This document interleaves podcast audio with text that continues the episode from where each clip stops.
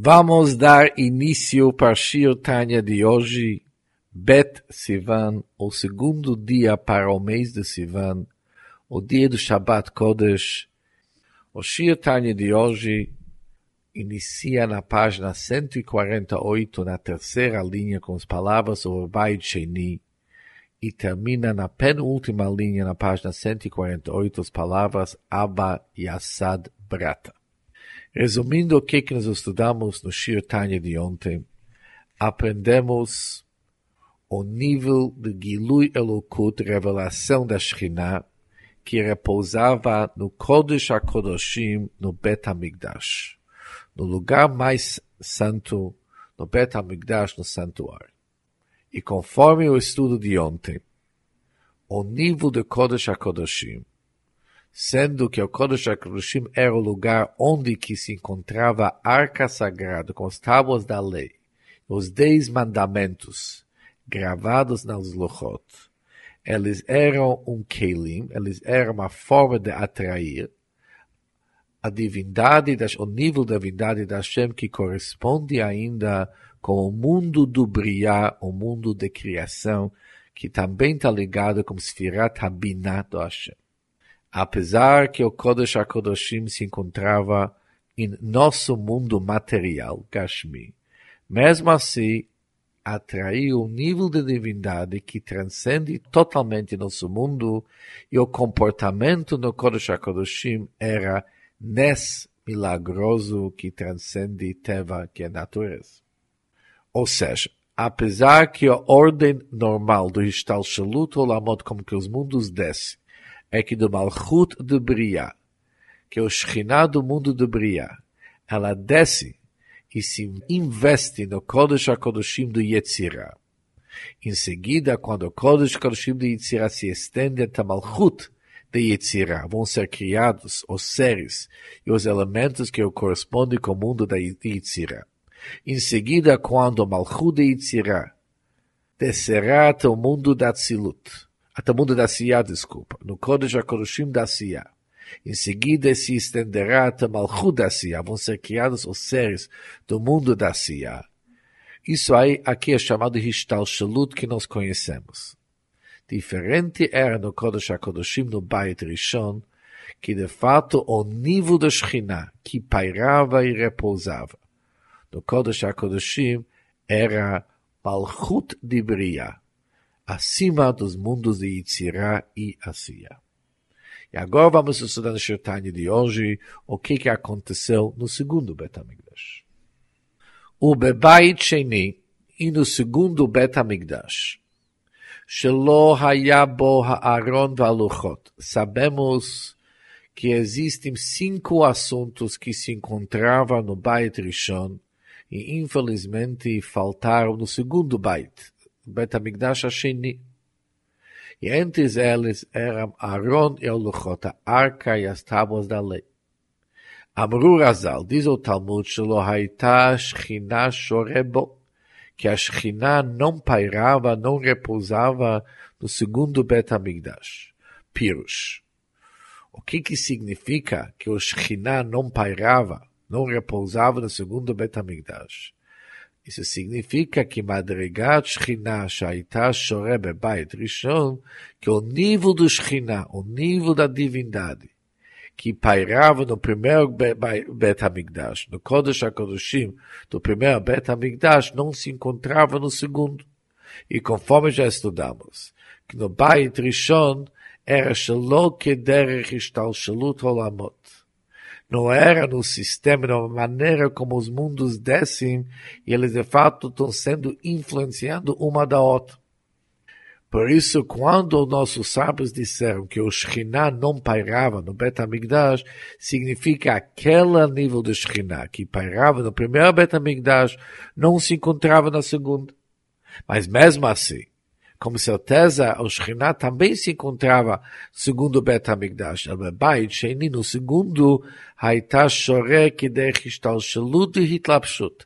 A Shekhinah repousava no sistema de maneira chamada de Sida dos mundos e é a maneira que os mundos se investem uma na outra, que é a Malchut da Tzilut, a Malchut de Bria, que já sabemos que Malchut da Tzilut se investe no Malchut de Bria o Bria é Malchut de Yitzirah, e do Malchut de Bria desce até Malchut de Yitzirah.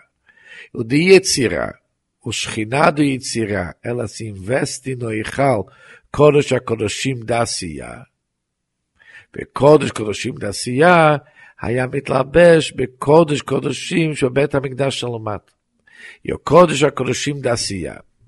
Ela se investiu no Kodesh HaKodashim no próprio Bet HaMikdash, sem passar pelo nível do Malchut da Asiya. Ou seja, do Chabad do mundo da Asiya.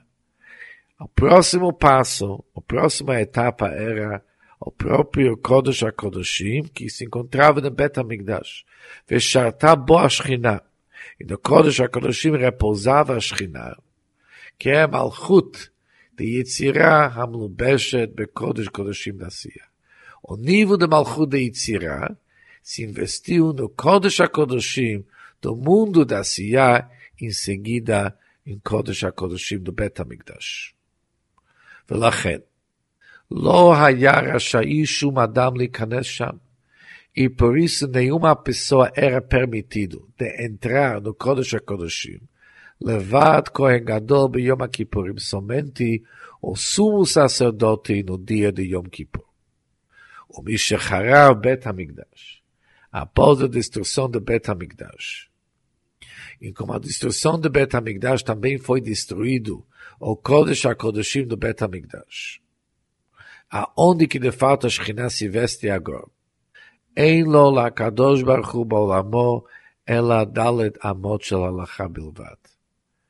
HaKadosh Baruch Hu, Deus não tem em seu mundo somente quatro amot do halachá. E após a destruição do Bet HaMikdash, o lugar que Deus escolheu são os quatro cúbitos do halachá.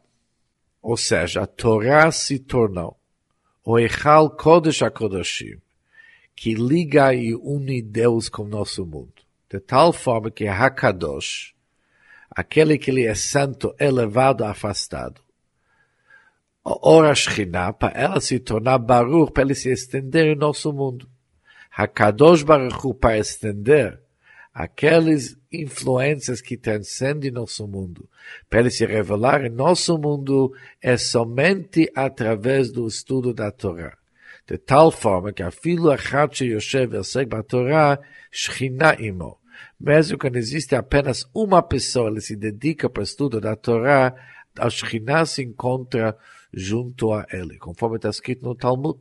E quando está escrito Shekhinah, significa Shekhinah imo, que apesar que ele é um nivrá, ele é uma criatura do nosso mundo material, mesmo assim, ele é capaz de atrair Ora Shekhinah. Qual nível do Ora Shekhinah?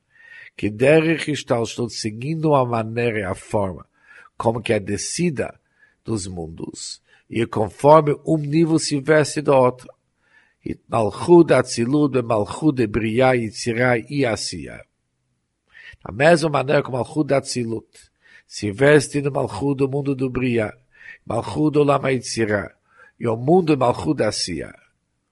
Ou seja, e a partir do Malchut do mundo da Asiya, se veste e se liga com a pessoa diferente até que conforme foi a maneira da Ashrat Ashkinah no Beit Sheni, que não precisava passar pelo Malchut da Sia.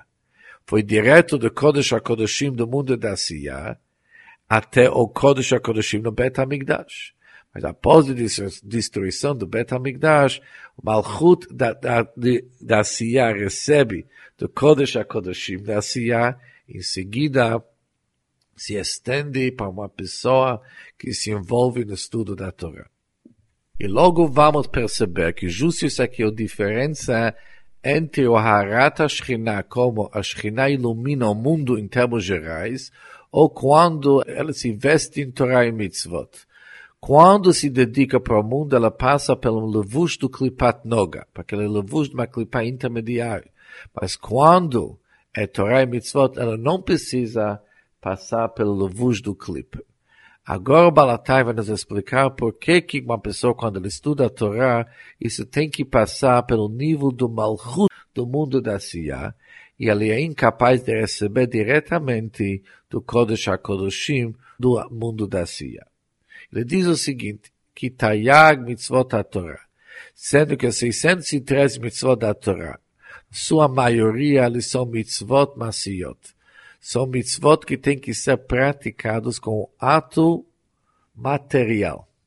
וגם התלויות בדיבור מחשבה, mesmo מצוות, que dependem na fala da pessoa e no pensamento da pessoa. Por exemplo, o estudo da Torá, Birkat Amazon, o Kriyat Shema o Tfila. Que apesar que essas mitzvot são mais ligadas com marchavá, com pensamento, para saber entender o que, que ele está estudando, para se aprofundar nas palavras da Torá e para despertar uma devoção e dedicação para Hashem na hora da leitura do Shema e. Aparentemente são acima do Asiá, são acima do ato. Mas mesmo assim, o Kaimelon de Hirolav Kidibro Domino, sabemos que pensar jamais é considerado como algo que foi verbalizado. Uma pessoa não cumpre seu dever somente pensando e tendo boas intenções.